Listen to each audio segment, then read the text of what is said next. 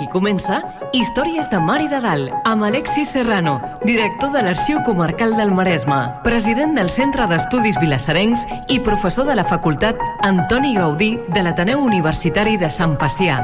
Un programa sobre el nostre passat, les històries, les tradicions, els personatges i el patrimoni de Vilassar de Mar. Una producció del Centre d'Estudis Vilassarencs en col·laboració amb Vilassar Ràdio i sota la coordinació de Núria Gómez. El neoclassicisme fou un corrent artístic que nasqué al darrer terç del segle XVIII i es prellongà i difongué durant els primers compassos del segle XIX. Es basa en el retorn a les formes i proporcions de l'art clàssic grec, grec i romà. Intel·lectualment coincidí amb els anys de la il·lustració del segle de les llums i de l'eclusió de la filosòfica francesa amb Voltaire i els pares de l'enciclopedisme francès. A casa nostra, Damià Campeny és considerat un dels majors exponents de l'estil. Avui, a Històries de Mar i de Dalt, parlarem del neoclassicisme.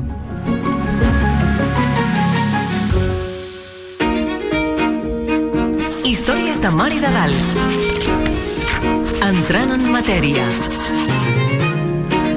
Benvinguts. En el programa d'avui parlarem amb la Maria Josep Castillo sobre el neoclassicisme i l'Alexis ens podria fer 5 cèntims sobre el tema d'avui. Doncs sí, Núria, com deies, el neoclassicisme és un estil que l'etiquetem no? en aquella, aquells darrers compassos del segle XVIII i els primers i els primers decennis del segle XIX. Realment és com deies, és el retorn a aquelles formes i a aquells gustos doncs, de l'antiguitat mm, grega i romana, no? aquell, aquell gust clàssic.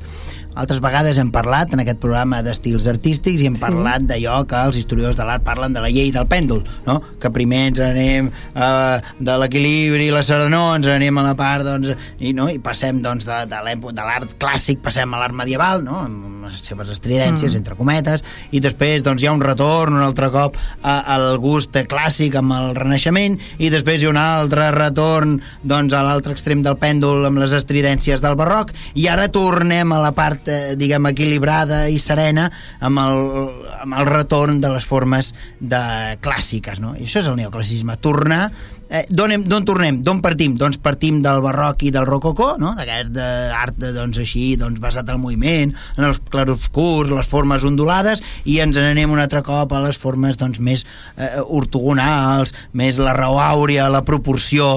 Eh, això és l'art del neoclassicisme. Què ha passat? Ha passat, eh, per què tornem? No? Perquè, eh, ha d'haver un per què. Doncs eh, ha passat que eh, a Pompeia, doncs, d'una manera més o menys fortuïta, d'una manera més o menys menys volgut. S'han començat a fer excavacions més o menys sistemàtiques eh, per omplir eh, les col·leccions del, del rei Carles de Borbó, que després serà el rei d'Espanya, però aleshores encara rei de Nàpols, per omplir les seves col·leccions del Palau de, de Nàpols, eh, comencen a treure escultures, comencen a excavar Pompeia, Arcolano, Plontis, no? aquests jaciments que havien quedat mm, colgats per la lava, eh, tots sabem, no? al segle I, i eh, òbviament doncs, eh, la gent que entra allà amb els llums d'oli al cap i, eh, comencen a portar dibuixos a portar escultures a, a portar escenes d'aquella època eh, clàssica diguem així, no? l'imperi romà i, i per tant això eh, eh, genera un impacte. Totes les corts eh, europees volen tenir peces del rei de Nàpols. El rei de Nàpols va regalant escultures aquí i allà, etc etc. hi ha una mica un, un retorn d'aquells gustos. I molts es comencen a fer moltes còpies moltes reproduccions d'aquelles escultures. Eh, això ja es havia fet en època del Renaixement però retorna a fer eh, això i a partir d'un cert moment doncs, les escoles les escoles d'art eh, òbviament doncs, el cànon ha de ser aquest el cànon ha de ser la proporció ha de ser aquests, mus aquests cossos musculats perfectes, etc etc. no? eh, i això genera un gran impacte eh, des d'un punt de vista de les classes aristocràtiques però eh, en aquesta època comença a comptar aquesta burgesia, aquesta, aquesta gent doncs, de professions liberals, i en aquesta època neix una cosa que es coneixerà com el Gran Tour, que és, una, és un moviment cultural no? que es produeix que tot mm, eren homes, mal, gairebé sempre eren homes, poques dones fan el Gran Tour, són homes que han, han acabat els seus estudis i com a complement dels seus estudis fan unes visites, uns tours, eh, pel migdia francès, per l'Itàlia sencera, etc etc, visitant museus i col·leccions, col·leccions privades, encarregant, comprant obres, encarregant eh, reproduccions o directament comprant antiguitats i portar-les als seus països d'origen, que són la França Atlàntica, perquè ens entenguem, a, a Alemanya i Anglaterra, bàsicament, els turistes, eh, els primers turistes, d'aquí ve la paraula, eh, busquen això i ho porten, i això genera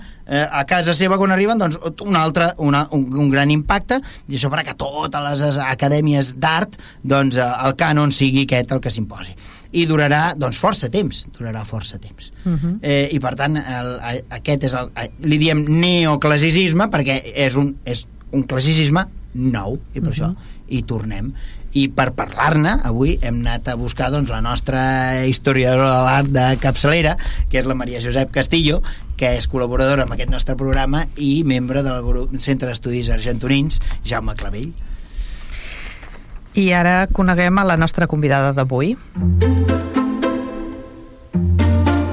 Històries de Mar i de Dalt. Coneguem el convidat. La Maria Josep és llicenciada en Geografia i Història per la Universitat de Barcelona. Ha estat professora del Departament de Ciències Socials i cap d'estudis de l'Institut Alexandre Satorres de Mataró. Actualment està jubilada. és membre fundadora i secretària del Centre d'Estudis Argentonins, Jaume Clavell. És autora d'articles a publicacions de Mataró i Argentona, tocant temes d'història de l'art, d'història medieval i de publicacions, entre d'altres. Benvinguda,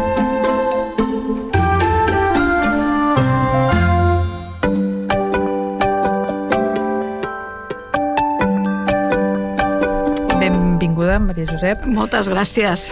A mi del que m'estava explicant l'Alexis em quedava un dubte. Ell diu que Carles III decideix anar a excavar a Pompeia i tal, però això és una cosa que decideix així perquè li agradava que l'art clàssic o per veure si trobava alguna cosa i va sortir això? Uh, no és que li agradés el món clàssic en especial, mm, jo crec que és més fruit d'una sèrie de circumstàncies. Mm -hmm. Cronològicament um, coincideix el regnat del futur Carles III d'Espanya com a Sí. rei de Nàpols amb una intensificació del de, que va sortint d'aquestes antigues ciutats de Pompeia i Hercula que havien estat amagades sota la lava Sí. durant doncs això, més de 1.500 anys, gairebé 2.000, i, i, i, i és una miqueta fruit d'aquestes circumstàncies, juntament amb unes altres, és a dir, eh, no oblidem que estem a l'època de la il·lustració, de la raó, és a dir, aquests accessos del barroc, doncs, eh, vaja, s'havien d'acabar, i, i el moment és l'adient, s'acaben mm. els accessos del barroc, i és el moment de tornar al món clàssic, perquè també la il·lustració és raó, és, uh, és uh, lluny del desori d'aquests accessos mm. i per tant tot quadra és a dir, només faltava el Gran Tour per acabar-ho de rodonir, és a dir que aquests eh, joves eh, adinerats eh, especialment anglesos que mm, després de visitar el sud de França i sobretot Itàlia tornaven a casa explicant el que havien vist i les ruïnes romanes que encara es veien per allà doncs tot s'ajunta perquè eclosioni aquest estil que, com deia l'Alexis, eh, el pèndol torna doncs, això cap al món clàssic i no és l'últim cop que ho farà perquè eh, amb el nou santisme hi tornarem, és a dir Mm. que el pèndol encara tornarà a, a, a excedir-se en el que seria el modernisme, per entendre'ns, a finals del segle XIX però entrat al segle XX tornarem una altra vegada a, a, al món clàssic a través del nou santisme, especialment aquí a casa nostra. Va. I també posar una miqueta en relleu mm, que amb el neoclassicisme comencem l'art contemporani, és a dir, diem que el barroc i el rococó fan acabar l'època moderna i tradicionalment el primer estil considerat contemporani doncs és el neoclassicisme, igual que la història contemporània diem que comença amb la Revolució Francesa. I quan tenim la Revolució Francesa l'estil que està de moda o que s'està començant a posar de moda és el neoclassicisme. I que a més a més és el primer neo d'uns quants més que seguiran, és a dir, es recupera, hi ha una mena de revival de l'art clàssic i més endavant, al llarg del segle XIX, tindrem neogòtic, neoromànic, neoislàmic, és a dir que eh, mirar enrere mm, no s'acabarà amb el neoclassicisme, sinó que tindrem altres neos al llarg del segle XIX. I ja per acabar aquesta peculiaritat del neoclassicisme, és potser l'últim cop que van de la mà arquitectura, escultura i pintura, és a dir, Val. tenim arquitectura neoclàssica, pintura neoclàssica i escultura neoclàssica i literatura neoclàssica també. I a partir del neoclassicisme, l'arquitectura diem que es, divorcia, es divorcia de les arts plàstiques i tindrem doncs, al darrere el romanticisme, el realisme, l'impressionisme, però no tenim una arquitectura romàntica, ni una arquitectura realista, ni una arquitectura impressionista. Diem que l'arquitectura seguirà un camí propi, tindrem molts altres estils al llarg del segle XIX, però no coincidiran els seus noms, aquestes etiquetes que els historiadors de l'art acostumen a posar, doncs l'arquitectura tindrà unes etiquetes que aniran per un altre camí. Val. I sort, perquè si tinguéssim una arquitectura no, surrealista, potser se'ns caurien els balcons a sobre. Sí, sí, penseu que amb l'impressionisme coincideix l'arquitectura del ferro. Per tant, Clar. bueno, com veieu, el neoclassicisme és molt peculiar per molts motius i crec que res, en pocs minuts n'hem dit uns quants. Sí, Bé, de fet et anava a preguntar si era un art global, no?, d'arquitectura, pintura, has dit que sí. Uh, exemples de, de per exemple, d'arquitectura per aquí a, a casa nostra, aquí ja no dic Mataró, eh? dic a Vilassar o també a Mataró, al Maresme En tenim, tenim, diem que podem anar de lo més lluny, lluny entre cometes a lo més proper, Sí. tenint en compte que el neoclassicisme no només es dona a Europa, és a dir, que tenim Val. el Capitoli de Washington, que és neoclàssic.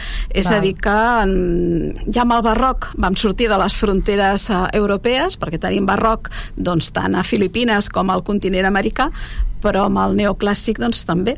I uh, dins del que és Europa, um, clar, penses en neoclàssic i a mi em ve el cap de seguida um, França. Lògicament, si hem parlat de il·lustració, revolució francesa i al darrere Napoleón, uh, pensem que l'estil neoclàssic amb Napoleón va agafar una bufera impressionant, és a dir, en Napoleón en certes coses es considera com un antic emperador romà i et fa construir a París doncs, eh, un edifici com la Madeleine, que és com un temple romà però a l'engròs i a més és un temple catòlic uh, un art de triomf, uh, una columna commemorativa, és a dir, com si París fos la nova Roma, no? Per tant, neoclassicisme és vale, molt París.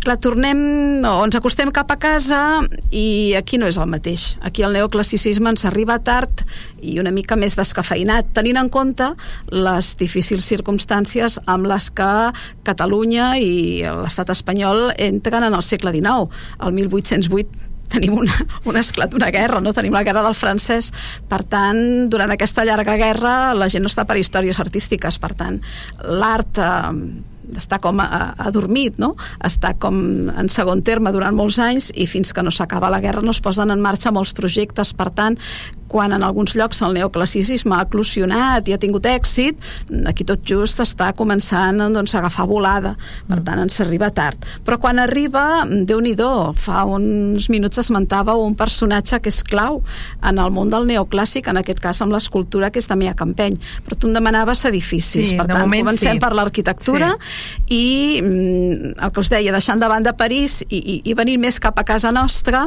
doncs a, a Madrid mateix tenim edificis neoclàssics molt importants, mm, el Museu del Prado, per exemple, o l'Observatori Astronòmic, que està molt a prop del Museu del Prado. Um, per tant, neoclassicisme a Espanya en tenim, i a casa nostra, doncs Déu-n'hi-do. Déu-n'hi-do, començant per Barcelona. A Barcelona, per exemple, tenim l'edifici de la Llotja, un edifici que a més a més mm, el coneixem popularment amb aquest nom, un nom que també té molt a veure amb alguns artistes perquè justament és eh, l'escola lligada a aquest edifici, la llotja, la Junta de Comerç, pensionant artistes perquè vagin a Roma. Mm, Per tant, l'edifici de la llotja té, té molt a veure amb el que seria el neoclàssic. En veritat parlem de la llotja de l'embolcall. Exacte. Sí, sí, de la l'exterior. Perquè la part interior és gòtica, és una obra com mestra una, del gòtic com una català. nina russa, no? Dins de l'edifici neoclàssic tenim la llotja medieval. És cosa, una cosa curiosa, perquè sí. eh, que és Francesc de Montagut, no?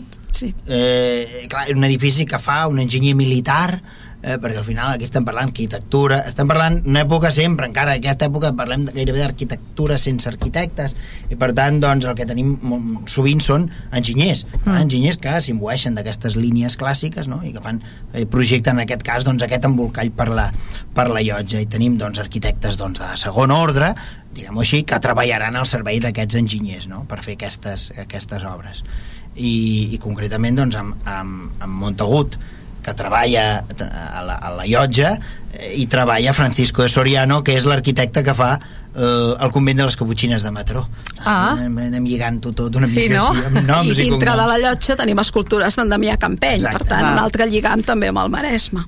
Val. Més construccions neoclàssiques a, a Barcelona. De vegades no són construccions senceres, sinó um, afegitons o modificacions d'edificis que ja coneixem. Per exemple, l'Ajuntament de Barcelona, la Casa de la Ciutat, que té la façana gòtica, que és la primitiva, però en canvi la façana que dona a la plaça de Sant Jaume doncs és neoclàssica, igual que la façana que dona a la plaça de Sant Jaume del Palau de la Generalitat, que és gòtic, la façana de la plaça de Sant Jaume és renaixentista, no? Per tant, la façana mm, que tots coneixem o que veiem més sovint, a no sé que et fiquis pel carrer lateral i vegis la façana gòtica de la casa de la ciutat, és neoclàssica.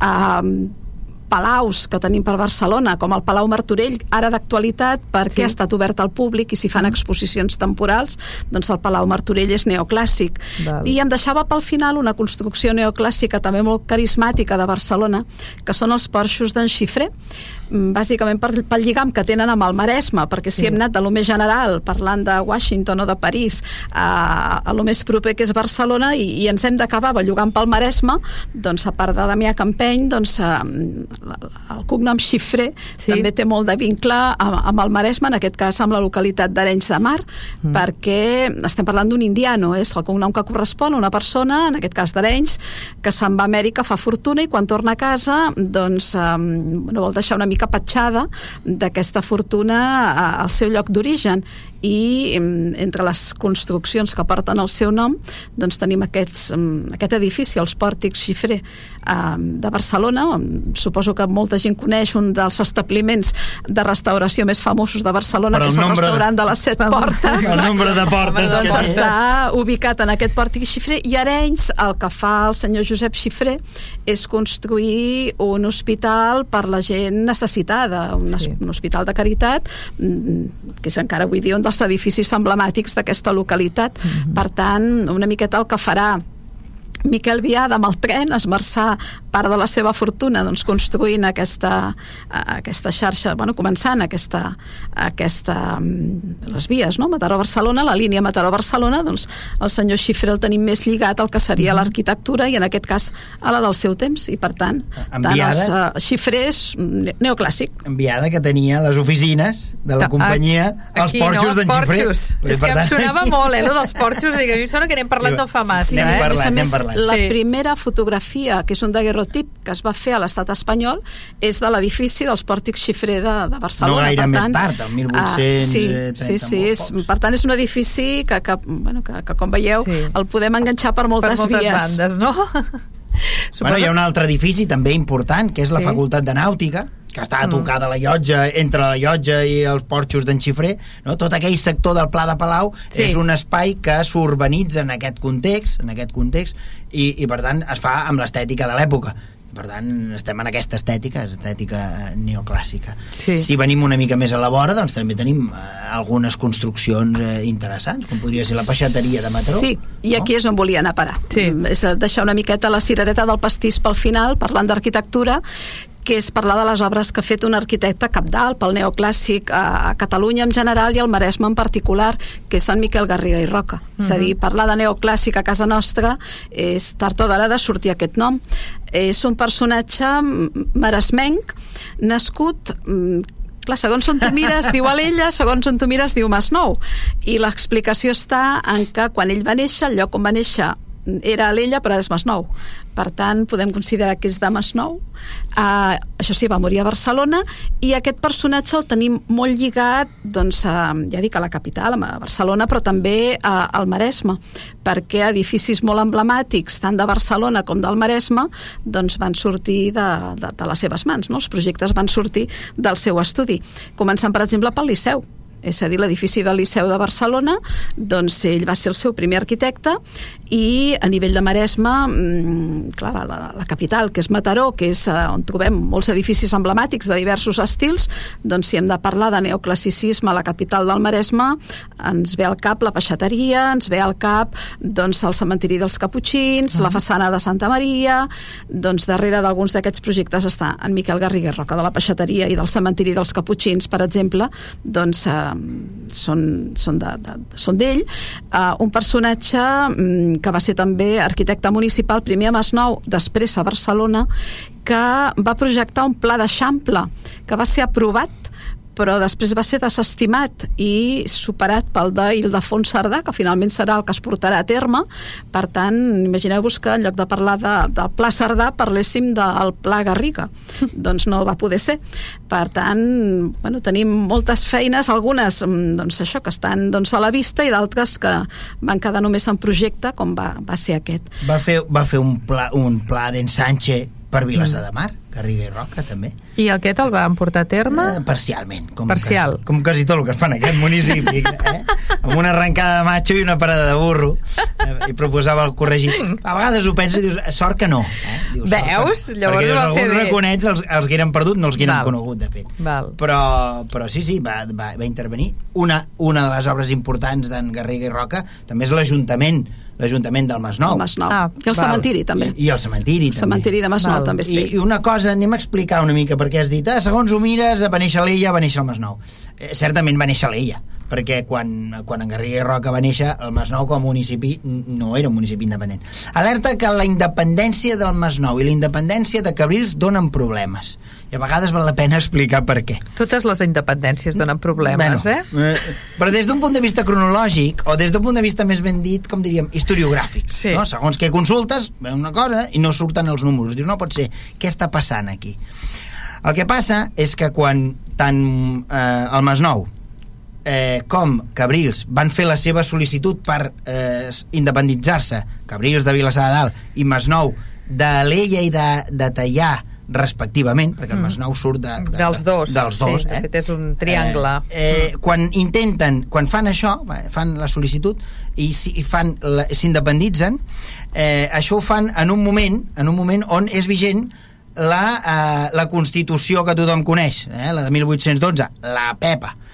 El problema és que després torna Ferran VII, que restableix l'absolutisme i decla, de, decreta que tots els actes administratius que s'han fet a l'abric d'aquella Constitució són nuls de predret. Val. I per tant, aquells que s'havien independitzat, que seria el cas de Cabrils i el cas del Masnou, veuen que aquella independència no té efectes eh, reals Legals, no? i han de tornar a fer la seva separació. Per Val. això, segons quins articles o quins llibres llegeixes, surt una data o una altra. Val. I l'explicació és aquesta, que té una seva, la seva, la seva intríngulis.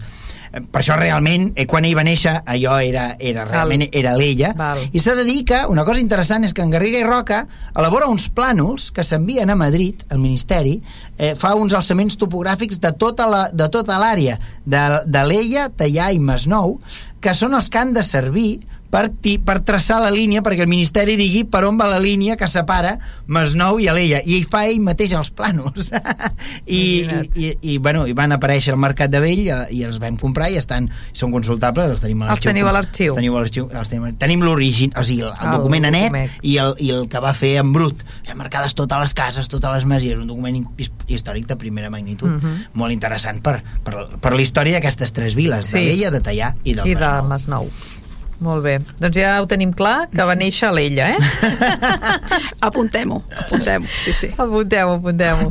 Deies que, aquest, que els edificis que tindríem a, a Mataró serien la, la peixateria... La peixateria és potser un dels més emblemàtics, mm. Que és l'antic mercat del peix, és a dir, Sí. com el seu nom indica, allà Sí. s'hi venia peix. Mm. Um, el cementiri dels Caputxins, Sí. seguint una miqueta la línia del que fa també Garriga i Roca a Masnou. També planifica el cementiri de la, de la ciutat. Penseu que abans els cementiris estaven arran de les esglésies, és a Sí. dir, els fusars eh, quedaven eh, arran de les esglésies, en el cas de Mataró, al costat de Santa Maria, però per qüestions eh, sanitàries i per qüestions d'espai s'han de traslladar doncs, una miqueta més lluny per buscar espais més amplis pel que, el, bueno, pel que implica el creixement de ciutats, sobretot Mataró, potser no tant Masnou, però també es necessita un, un cementiri més gran i ella es fa càrrec doncs, això de la planificació d'aquests dos cementiris, no? de Masnou i de, i de Mataró, conegut com a cementiri dels Caputxins pel que fa a, a, a Mataró.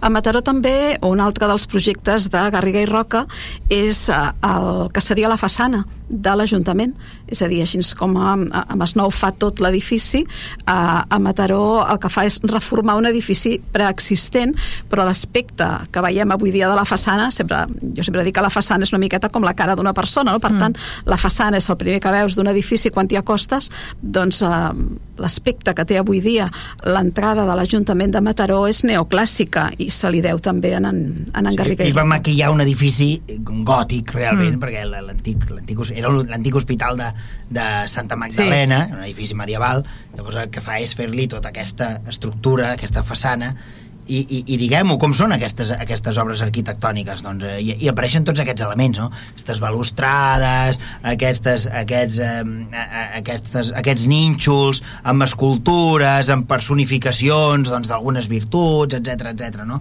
per exemple, el cementiri dels Caputxins no? aquest porticat sí. eh, de, eh, sembla dòric, no? grec mm. no? aquestes columnes perfectes, totes iguales eh, què, què ens porta? Ens porta un altre cop que ja quedem el retorn, aquesta imatge en, en grega i romana, no? d'aquesta aquest, aquest arquitectura equilibrada, serena, eh, molt mediterrània, no? Mm. Nosaltres l'entenem molt mediterrània, no sé què deuen pensar els grecs, deuen pensar que, que transportar la seva arquitectura del segle VI abans de Crist al segle XVIII de tota o al segle manera, XIX. Malgrat aquesta serenor i aquesta harmonia dels arquitectes que s'inspiren en el món clàssic, tenim a Mataró un arquitecte contemporani de Garriga i Roca que se'n va una mica per la tangent, que és en Jeroni Boada, no? que és um, com una miqueta eclèctic a l'hora de, de, de, de barrejar elements um, d'altres estils, d'estils del passat i ens fa edificis doncs, una miqueta com fora de lloc, és a dir, fora del que seria la moda que predomina en aquell moment, que és la que sí que segueix uh, en Garriga i Roca. Per tant, aquest era un antisistema, no? Vull sí, dir, tot sí, sí. tenia el seu públic, perquè no, no, se li van encarregar moltíssimes obres, i en va fer moltíssimes, uh mhm. -huh. i, i vol dir que tindria el seu públic. Vull sí. dir que igual no a tothom li agradava ma massa aquella moda, bueno, no sé, perquè si no, si no, no t'ho encarregaria. Bueno, no? allò que per gustos hi ha els colors, no? però sí que és veritat que, que eh, així com ara una miqueta tot s'hi val, en aquella època l'estil que estava una miqueta més eh, de moda ho marcava més aviat tot, no? vull dir que tothom gairebé el seguia, però sempre hi ha algú que va contracorrent. Bueno, per no anar com va tothom, sí, no? Vull dir, sí, sempre sí. hi ha d'haver, exacte, sempre hi ha algú, no? Està clar. Digues. Uh, ens acostem una miqueta més sí. cap a casa, és a dir, mm. dèieu Vilassar. Home, sí. doncs a Vilassar també déu nhi el, el present que està el neoclassicisme, no? Començant també per l'Ajuntament. He parlat de l'Ajuntament de Masnou, de l'Ajuntament de Barcelona, de l'Ajuntament de Mataró, doncs també l'Ajuntament de Vilassar doncs, eh, té aquesta traça neoclàssica i al, vaja, a pocs metres a tocar de l'Ajuntament de Vilassar tenim l'antic casino que també és neoclàssic, també ara, bueno, quan venia cap aquí, cap a la ràdio, he passat pel davant dels dos edificis i me'ls mirava, no? Potser amb uns altres ulls tenint en compte que d'aquí una estona havia de parlar d'ells, no? Llavors veus aquestes pilastres, a, a aquests a capitells corintis, no? Que penses, uf, neoclàssic pels quatre costats, no? És allò de que re, bueno, rebosa el neoclassicisme per aquí i mm, també tenim alguna casa particular. Jo que sóc d'Argentona no ho conec tan bé. Jo la conec com a Can Viso, Cal Americano, que li dieu a, a, a Vilassa, sí. que és una casa que està al carrer Bertrina, potser? Sí, bueno, Bertrina, Montserrat, mm, sí. doncs, pel davant i pel darrere. Clar, veus aquesta casa i també penses, uf, ne, neo, em sona neoclàssic, no? Sí, és una, doncs, sí. una casa tipus paladiana, no? Sí. O sigui, perfectament quadrada, eh, i també, sí, les seves arcuacions, i, i, i de fet, també a la, a la planta, no sé si algú hi ha entrat, doncs dins, a la part, és una planta central, hi ha un petit cupolí la que il·lumina. Sí, bueno, sí, sí, sí. Té, té un gust, té un gust molt, molt clàssic. En aquest cas, sempre, sempre tenim el dubte si aquest és un, és un, un, un, nou, un nou sentisme, ai, un classicisme de retorn, perquè aquesta és una arquitectura, aquesta és una arquitectura, ja ho ha dit la Maria Josep, que viatja, i té un impacte als Estats Units a lo que ara són els Estats Units no? Mm. Eh, de fet l'estil colonial quan parlem de l'estil colonial de les 12 colònies fundadores dels Estats Units, no? Aquell estil és, és, aquest estil, no? Mm -hmm. Veiem les cases d'aquests esclavistes, no? Ara són Sí. cases visi visitables. Ara em ve, em est- estava dient això i m'estava venint la casa de... Us en recordeu el príncipe Bel Air, eh? La Sí. casa on vivia el tio Phil, Sí. eh? que era una casa amb aquestes Sí. columnes blanques. La Casa com, Blanca. Com la Casa Com Blanca. la Casa exacte, Blanca, no? exacte, sí. I llavors, eh, eh, això ge- genera un retorn, això també genera un retorn, no? Perquè òbviament nosaltres tenim un cordill, un cordill umbilical que uneix l'Atlàntic i el Mediterrani no? que són els nostres capitans que van i venen mm. i sempre hem dit eh, que molt probablement hagués una arquitectura de retorn és a dir, algú que ha anat allà i ha vist una cosa així i, suporta ha cap tornat i aquí suportat cap aquí. en fi, tenim molt poca informació d'aquesta casa, però, però la realitat és que sí. Ja és tardana, perquè estem a 1851, un edifici... Però també és veritat el que deia la Maria Josep. Aquí, aquest, a, a casa nostra, els estils acostumen a arribar tard i a perllongar-se en el temps. Això també ha passat... El, el barroc és l'estil que més dura de tots, una cosa que... I, i, i és contemporani. Però s'ha de dir que a casa nostra també tenim un barroc que italianeja eh, per, sobretot al camp de Tarragona sempre es parla de, del, del barroc eh, classicitzant que tenim a, a la zona del camp Potser de no tan Tarragona exuberant com en altres exacte, llocs. una mica més més comedido eh? una dir-te més- no Sobri, tant, més no auster. mica més sobri, més auster, que òbviament, clar, com que si tu penses que al final el barroc és un art que es desenvolupa a partir dels cànons del Renaixement, que són els cànons que recuperen l'art clàssic, doncs si tens un estil barroc no massa estrident, doncs al final que tens una cosa... I a vegades els historiadors es troben davant d'un edifici del segle XVIII mm, i tu dius, bueno, és barroc? Perquè és barroc, però si, Sí. si, si de bones a primeres dic que és neo, neoclàssic i mires la cronologia i dius, bueno, és de finals del segle XVIII, va, li posem l'etiqueta de tardobarroc, italianitzant, classicista, però eh, quan hi has de posar tants adjectius que una Que una cosa, cosa no- no quadra, no? grinyola. Però la realitat és aquesta, que els gustos i, i al final forma part de, una mica del llenguatge arquitectònic del nostre país, Mhm. també l'art la, la, la, la, això, els arts de mig punt, les, els entaulaments, etc etc. Mm -hmm. Doncs no oblidem a Vilassar de l'Escola Nàutica que també és un Sí, altre edifici que no, vaja, no el podem deixar Has dit de que a banda. Barcelona n'hi havia una i aquí Exacte. també en tenim una altra aquí, aquí del mateix tenim, estil. Nosaltres tenim la reproducció en miniatura de, la- de la façana de la llotja que, bueno, que sembla ser que la va fer en Riera i Freginals, però que el mateix va ser el mateix eh, monjo, en, en Joan Monjo i Pons, que era el director de l'escola, el fundador de l'escola nàutica, uh -huh. que, que li va demanar que volia un edifici com aquell, i per tant nosaltres tenim, tu el mires, i bueno, sí, és, és igual però en Però petit, més petit. En, en petitet. Uh -huh. Perquè suposo que això també hi era, no? De, I també- jo vull un edifici com aquell. I també de cronologia tardana, eh? també de cronologia tardana, perquè, clar. Clar. Bueno, però s'imiten els models de, de, de la ciutat gran que tenim a prop, no? Sí. Doncs, sí. el de Barcelona, però en petit. Mm. I ja que parlàvem de Can, de Can Visa, Mataró està plena de cases um, neoclàssiques, és a dir, passejar per la Riera és anar-ne veient unes quantes, o anar a la plaça Gran i veure Can, Vil Can Villalonga, les antics jutjats, no? Per tant, mm, comences a gratar i penses, uf, aquí el que tenim és modernisme, és, doncs Déu-n'hi-do, no? El que està donant de si també uh, el neoclàssic a casa nostra. Sí, Només sí. cal gratar, cal buscar i el trobem. O sigui, que la gent s'ho vagi mirant, que segur que Exacte. més d'una ha passat per davant d'una casa neoclàssica i no ho sap. Oh, sí. Això segur, eh? Jo, jo segur. Perquè a vegades no vaig ni mirant. No només cal això, deixar de mirar el mòbil i mirar Sí, façanes exacte, i comences exacte. a descobrir tot un món. Uh -huh. Parlàvem de que uh, és un art que en- és arquitectura, és escultura, i dintre de l'escultura nosaltres parlàvem abans de, de, de Mia Campeny, no? Exacte. No només és important a nivell de casa Mm. nostra, sinó a nivell general. És a dir, et mires els noms eh, de, dels eh, eh, escultors neoclàssics a, a nivell europeu i per suposat que eh, en el podi, el número 1, el number one, és eh, un italià, Antonio Canova. Després, el número 2 del podi el tindríem amb un danès que penses, Dinamarca, té art? Doncs també, també té art. En aquest cas, val, és un danès, però que sobretot està una miqueta a l'ombra de Canova perquè va aprendre amb ell, que és en Bertel Thorvaldsen. Doncs en el podi, acabant amb el número 3 d'aquests grans escultors neoclàssics, tenim un mataroní, Damià Campeny, que algú diu, ai, mira, aquest senyor té nom d'institut. No, és l'inrevés.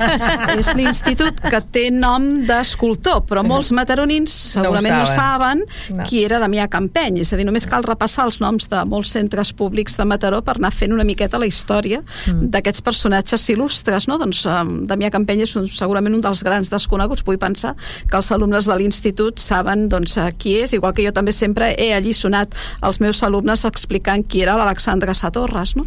Doncs um, Damià Campeny era escultor.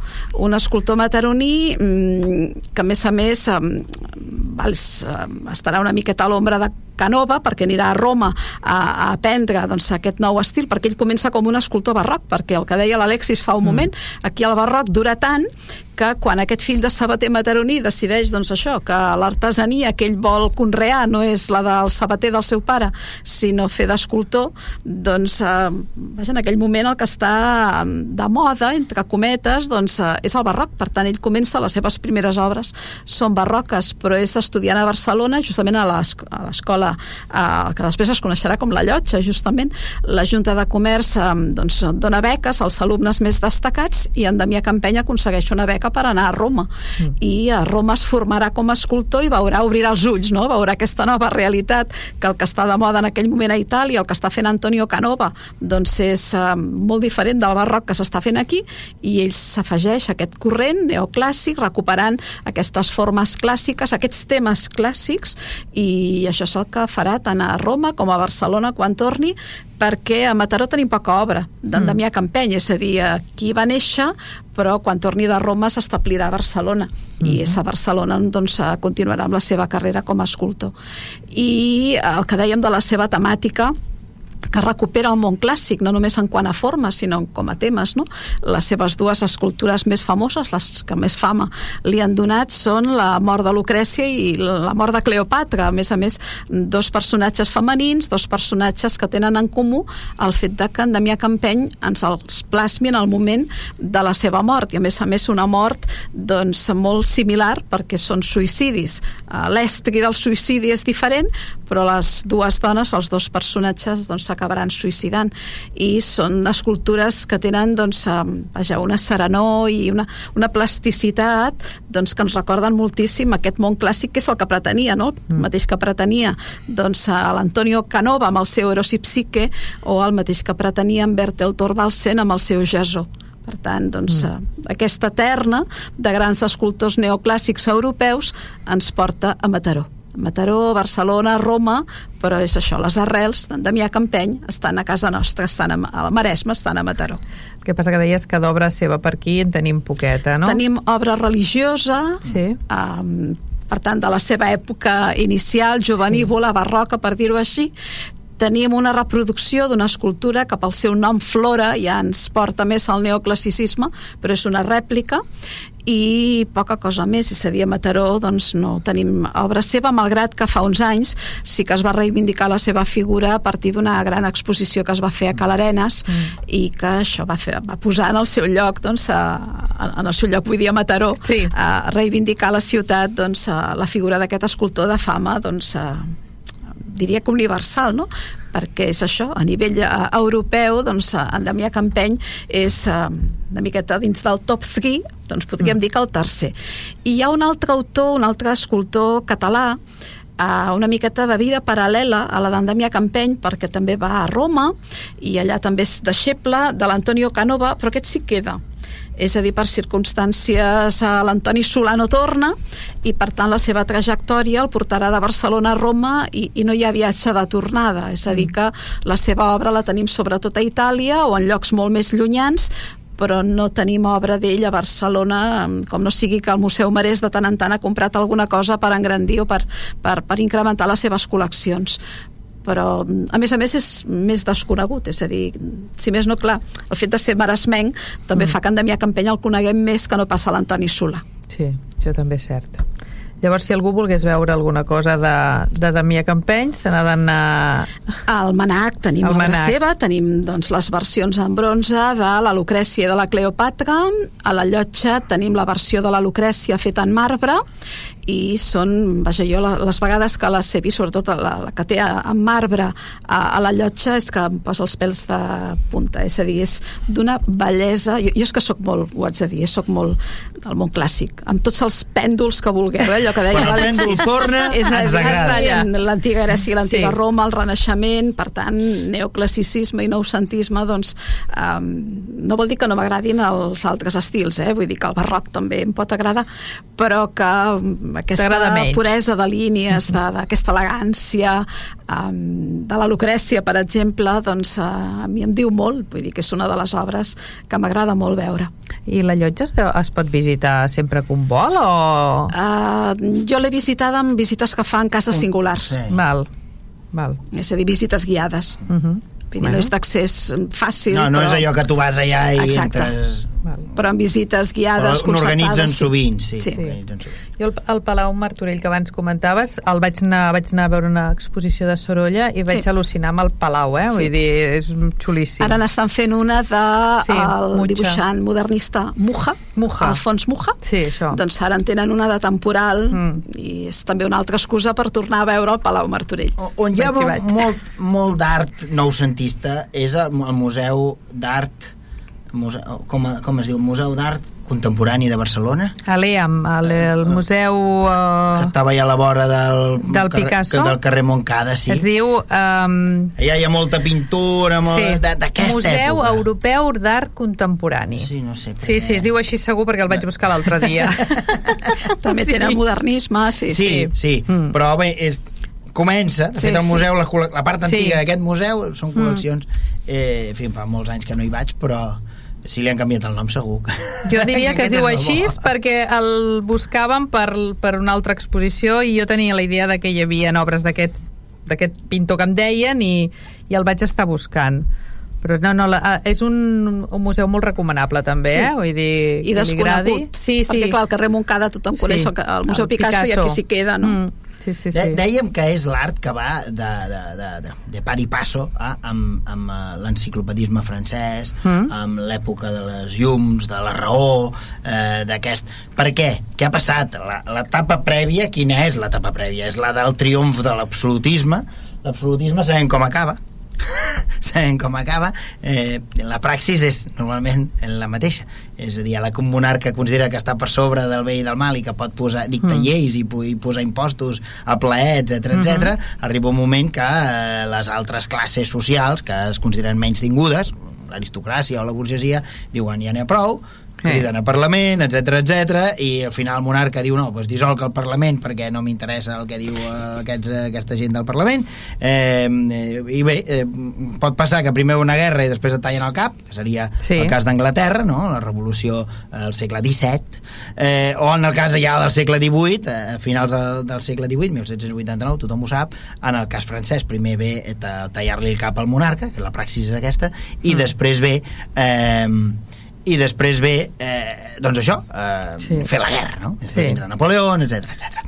Eh, els anglesos no li van poder tallar el- els, perdó, els americans no li van, quan va fer la seva revolució no li van poder tallar el cap al monarca perquè estava a Anglaterra i quedava massa lluny això segurament, si hagueren pogut ho que n'han fet es van acontentar en tirar les, les estàtues a terra això sí, als americans també els agrada molt això de tirar les estàtues a terra ho veiem sovint eh, i, i l- tot això passa en aquesta època Havíem, eh, veníem d'aquesta època prèvia del triomf de la monarquia absoluta l- l'état c'est moi no? l'estat sóc jo, que deia eh, Lluís XIV però la, la realitat és que eh, eh, de, de, la, de la mà d'aquests excessos de la monarquia absoluta ve el, el, el, el rococó el rococó mm. vol dir deixar-se portar els plaers, la bellesa bellesa per la bellesa és a dir, no, la bellesa perquè sí no? llavors veia aquestes escenes bucòliques eh, en fi, eh, aquests, aquests jardins versallescos no? Estem, és bellesa per bellesa és a dir, perquè jo lo valgo, eh, que diria mm. aquell anunci i, i, i en canvi veiem que a, a, a, hi ha un moment eh, hi ha un moment de, que les coses comencen a, a, a, a tibar, a tibar, a tibar i apareixen veus com per exemple Voltaire eh, com eh, Diderot no? eh, comencen a aparèixer aquestes veus crítiques que consideren que els, que els tres poders s'han de separar Eh, ningú parla de democràcia perquè la paraula democràcia és una paraula lletja, eh? un Mm. dia en podem parlar. Ningú parla de democràcia encara, però eh, el, el, comença, comença a, a, a, a, a teoritzar-se al puntualitzar els poders de la monarquia i en aquest context del triomf de la raó, de condensar tot el coneixement en, en, en llibres, no? que si això serà l'enciclopedisme, no? doncs eh, eh, en aquesta idea doncs, de tornar d'anar a buscar la raó, la raó que tenen els, que tenien els clàssics, els clàssics, els pares de la filosofia, etc etc. doncs en, a, a tot això eh, lliga, i per tant és eh, el em deia la, la Maria Josep és un d'aquests últims moments on, on tot, con, tot, tot conjuga i tot va eh, després a partir d'un ce- d'un cert moment al segle XIX ja cada cosa anirà pel seu lloc. La filosofia tindrà un desenvolupament la literatura un altre i no, i no necessàriament serà coincident. Però aquí encara estem en aquella època on el que dèiem, no? la raó. I per tant la raó vol dir, parlar de la raó vol dir qui són els primers que van raonar-ho tot un altre cop ens anem a Grècia, etc etc, mm. la filosofia, i per tant aquí eh, fa un esquema bastant, bastant nítid, bastant perfecte, bastant quadriculat, no? tot, tot, tot, tot lliga mm. bastant.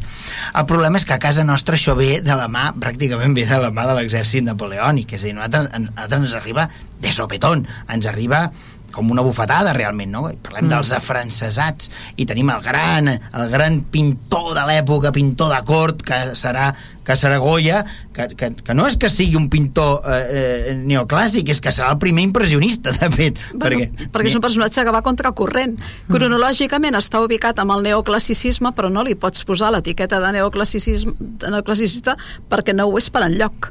Per tant, romàntic, impressionista, però neoclàssic no. no neoclàssic, impossible perquè és una persona que viu en si mateix les contradiccions, les contradiccions que viuen la major part dels cristians de l'època, que sí. és eh, monarquia sí, monarquia no, quin tipus de monarquia, quin tipus de quin tipus d'estat, un estat absolut, un estat eh, eh, amb, un- amb una constitució, una constitució com?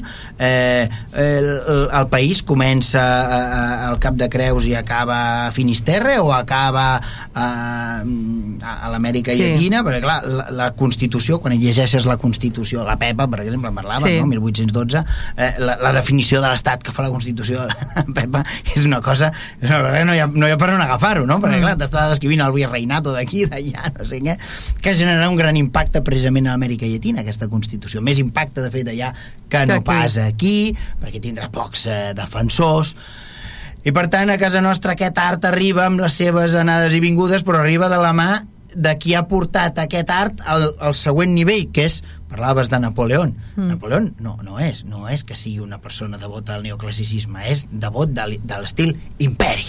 Eh, perquè eh, òbviament és una persona coherent eh, una persona que es defineix a si mateix com a emperador eh, que es corona a si mateix. Eh, emperador fa venir el papa eh, que li porta la corona a París però ell se la pren i se la posa. Diu, Déu me l'ha donat i jo me la poso mm, ai de qui la toqui eh? diu, ve a dir alguna així, ho diu en francès però no me'n recordo ben bé com ho deia eh, i, i, i llavors el següent pas és eh, eh, l'estil imperi i com que Napoleó ha enviat els seus soldats per mig planeta fent la guerra als britànics i s'han quedat uns quants a Egipte mm, de la mà d'uns quants d'aquests soldats i aquests oficials arribaran uns gustos també per l'orientalisme egipci no? i després en aquest context tindrem a Champollion Bueno, arribarà la eh, pedra de Rosetta, per exemple. Per, per exemple, Sí. sí. podrem desxifrar el que diuen els, els, els escrits egipcis, etc etc. I, I tot això passa en aquesta època, una època, eh, i òbviament aquí això genera una certa estiventós, perquè els progres es posen del costat doncs, de les idees progressistes franceses, seran els afrancesats, ho passaran molt malament, i quan torni Ferran VII s'inaugurarà una una part de la història que és cíclica a Espanya, que és que cada dos per tres els que queden del costat dels perdedors s'han d'exiliar. Aquesta és la tragèdia d'aquest Goya país. s'haurà d'exiliar. I Goya és un d'aquests. Ah, mira, veus? I Goya és un d'aquests. eh, Com tants altres. dir. Sí, no, ja, ja. Però, aquest sí- és un que és conegut de s'inaugura- tots. S'inaugura precisament... eh, En aquesta època. En aquesta època. Havia passat al segle XVIII amb la Guerra de Successió, hi ha molts catalans que s'han de- d'exiliar a Àustria, etc etc. però vull dir, mm, traioi, però en canvi, eh, és a dir, la persecució ideològica que vindrà després, malauradament preconitzarà moltes coses que vindran eh, durant, els, durant, tot el segle XIX i bona part del segle XX. Parlàvem de que és un art complet encara, eh? Arquitectura, eh, t'ho diré demà. Uh, escultura, i em falta la pintura. La pintura. Bueno, la ha sortit Goya ara fa un moment, Sí. però pintura menys. Pintura en tenim menys. Sí. I a més a més molts pintors que pinten aquí a Espanya, per exemple, durant el neoclàssic no són d'aquí. Per exemple, Mengs. Mengs no és espanyol, precisament. I tenim poca cosa de pintura neoclàssica um, equivalent. Per exemple, la que podríem tenir a França. No? A França tenen uh, en David, que en David ho omple tot. És a dir, és el gran pintor El neoclàssic per excel·lència. Horacis, aquest. Retrats que fa de Napoleó, la coronació de, de, de Napoleó, no? A la, a la que feia referència fa un moment l'Alexis, a la que sembla ser que ell hi va assistir i per això ens la pot pintar amb una fidelitat gairebé fotogràfica. Doncs aquí no tenim un David i per tant ens hem de conformar doncs, amb... Un fortuny. Uh, Fortuny eh, ve després, és a dir, Fortuny és també inclassificable, però és posterior. Ell morirà el 1874, i jo sempre dic. Sempre dic que si no hagués mort aquell any seria encara més impressionista, no? perquè mor justament l'any de la primera exposició impressionista. Sí que és veritat que Fortuny té alguna obra goyesca, no? aquesta pintura de cassacons que feia, com la Vicaria, però mm, també és una miqueta un autor que va contracorrent, també és bastant inclassificable.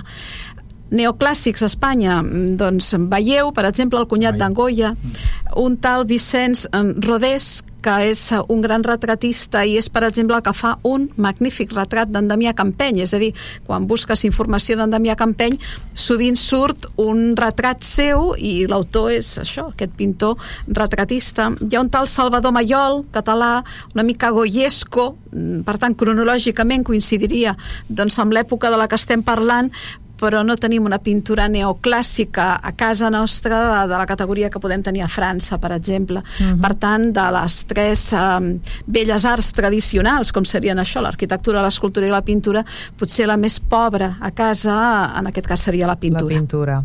Vaja, bueno, ens queda a nivell general en Goya, tu. amb l'etiqueta neoclàssic, eh? Sí, perquè sí, és això, sí. Goya ja ens omple doncs, tot el que calguin. Eh? Jo recordo quan estudiava el meu llibre de text d'Història de l'Art, quan estudiava COU, eh, teníem un tema dedicat a Goya i Beethoven perquè eren dos personatges tan inclassificables és a dir, mm, són Fora a més a més contemporanis i a més a més tots dos sordejaven i, i, i com que eren dos genis doncs ens van encolomar un capítol del llibre d'Història de l'Art dedicat a ells dos per tant ni neoclàssics ni romàntics Goya i Beethoven.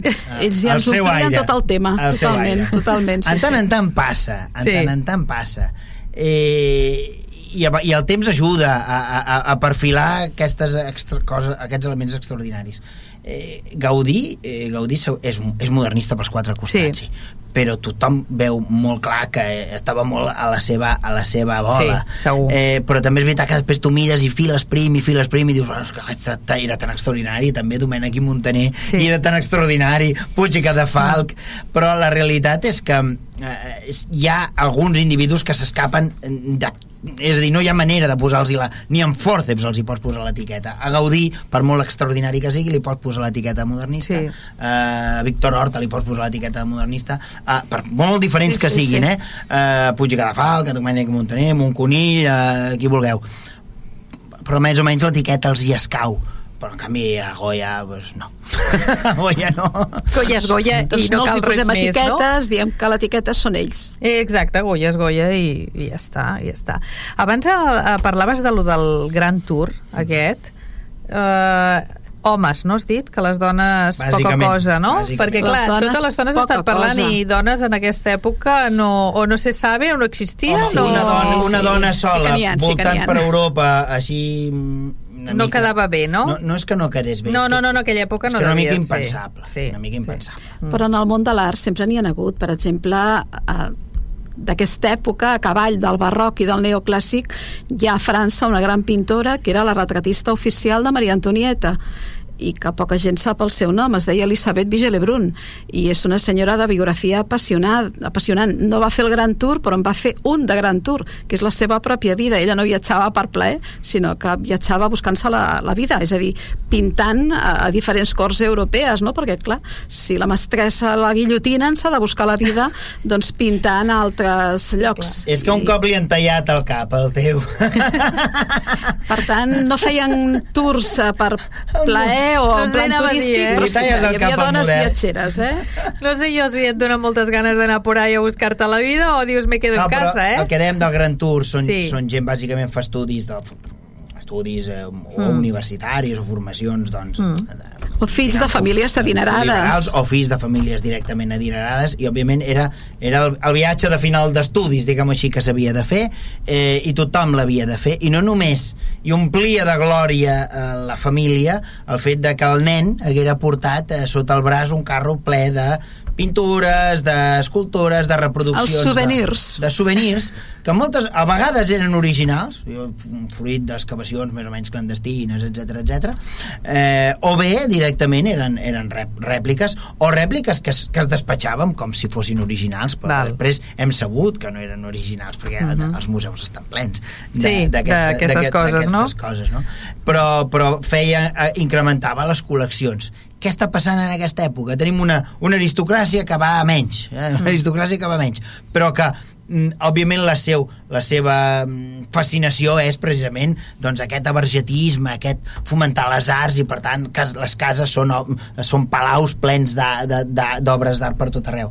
Per l'altre costat tenim una burgesia que es vol emmirallar amb aquesta aristocràcia, amb la que s'acabaran casant, perquè clar, tens, trobes una noble més o menys eh, sense un duro i tu ets un, un bon burgès i pots casar, llavors aconsegueixes el títol i això passarà durant tot el segle XIX, és així. I, i, en, aquest, i en aquest cas, doncs, aquests fills de burgesos que omplen les cases, que aquestes cases que es converteixen en palaus, són cases burgeses, però són palaus, doncs, òbviament, repliquen l'esquema de, de l'aristocràcia. I, per tant, si a més a més t'hi vols, si t'hi vols acabar emparentant, doncs, òbviament, has de tenir una casa plena d'obres d'art. I quines són les obres d'art? Doncs que aquests souvenirs que compren aquests turistes, que són els primers turistes, doncs bàsicament és això. I en aquest context, eh, eh, eh, i, i, i Víctor Horta, ai, perdó, i que Antonio Canova eh, és, eh, fabrica tot una, tota una constel·lació d'artesans o d'artistes que fabriquen reproduccions que la gent està encantada de comprar. Fabrica souvenirs, no? Sí, sí. Bueno, està bé, està bé. Mm, Se'ns va acabant el temps. Mm, No sé si amb tot el que hem arribat a parlar teniu alguna coseta que deguis... No m'han preguntat, no he pogut explicar... Només un afegitó. Hem parlat d'arquitectura, d'escultura i de pintura i ja que parlava de dones fa un moment, Val. la indumentària. És a dir, la, fa una estona parlava de l'imperi, de l'època d'en Napoleó, mm. la moda. La indumentària de les senyores ens recorda les... Uh, túniques que portaven també les, eh, les senyores a l'època clàssica, és a dir, el, el tall imperio, que encara es parla de quan uh, la cinturilla Sí. sí. comença doncs, uh, sota el pit, aquesta manera de vestir de les senyores o el mobiliari. Hi ha una pintura de David fantàstica, que és el, el retrat de Madame Recamier, en què es veu una senyora vestida amb- d'aquesta manera, a l'estil imperi, reclinada en un triclini, com si fos una dama romana i no, és una senyora de principis del segle XIX. Per tant, no només queda, queda imbuït de, de, de classicisme l'arquitectura, l'escultura o la pintura, sinó el que serien aspectes més quotidians, com podia ser la moda, això sí, de gent de possibles, o el mobiliari, o alguns palaus europeus que acaben tenint una habitació decorada a l'estil pompeià, és a dir, la decoració, el mobiliari, la moda, la indumentària, doncs també té el seu eh, raconet neoclàssic. I en alguns d'aquests jardins doncs, també hi trobem aquestes decoracions agrotesque, no? que són aquestes, eh, aquests nimfeus, no? Eh, amb unes fonts, amb unes cascades, tot fet amb, amb pedres i rocalles, que, eh, eh, bueno, doncs això que tant agradava als, a, a, en època dels romans, no? això, com que es redescobreix, doncs això es torna a incorporar. Si tens una bona casa, si tens un bon jardí, has de tenir també un bon nimfeu, i això, per exemple, ho veiem també, jo que sé, aquests grans palaus, eh, no sé, per exemple, Àustria, no? El palau, em sembla que és el Belvedere, té el seu nimfeu espectacular, eh, vull dir, eh, ho fan els emperadors, eh? ho farà Francisco José per la seva dona Sissi, eh, i ho farà doncs, l'aristòcrata de medio pelo doncs, que hi ha a qualsevol província d'Europa. De, d'Europa. I a Barcelona segur que també ho trobaríem en algun lloc, no? I llavors aquestes, aquestes, aquesta, aquesta estètica, no? aquests vestits que recorden els pebles eh, romans, no? com deia, mm. això, la cinturilla justa acabada al pit, eh, sobretot per les dones, per les dones sempre, a l'hora de vestir, sempre eh, l'espai de llibertat de la dona eh, eh, és aquest. Mm. Vull dir, se sap, la realitat és que els homes vesteixen molt igual els últims 300 anys, Sí. les dones menys, que, Sí. que per sort. I les diademes, no? les diademes que recorden doncs, aquelles tiares els pentinats, bizantines, etc sí, sí. etc. No? els pentinats i sí, clar, òbviament doncs, quan un escultor ha de buscar una imatge i fa la Lucrècia, doncs te la fa amb aquelles sandàlies, amb aquell peble, etc etc. oh, tot, tot, tot, tot va lligant i després el que dèiem del mobiliari no només les, eh, els triclinis les sèdies curúlees i, per exemple també trobarem doncs, a partir d'un cert moment trobarem aquests mobles eh, amb, amb esfincs no? eh, tornant una altra cop a aquella idea que dèiem de, de, dels que els napoleònics ens porten el gust egipci o neoegipci doncs trobarem això, esfincs i, i caps de, de sarcòfags a les columnes, etc etc. Ara ja sí, eh? Ara sí. Ara sí. Ara ja hem, hem arribat a, al final. Moltes gràcies, Maria Josep. A hem... vosaltres per convidar-me. Hem arribat al final del programa i ja sabeu que podeu escoltar-nos a vilassarradio.cat i a Spotify, tot buscant històries de mar i de dalt. Fins la propera setmana. Històries de Mar i de Dalt, un programa sobre el nostre passat, les històries, les tradicions, els personatges i el patrimoni de Vilassar de Mar. Una producció del Centre d'Estudis Vilassarencs en col·laboració amb Vilassar Ràdio i sota la coordinació de Núria Gómez.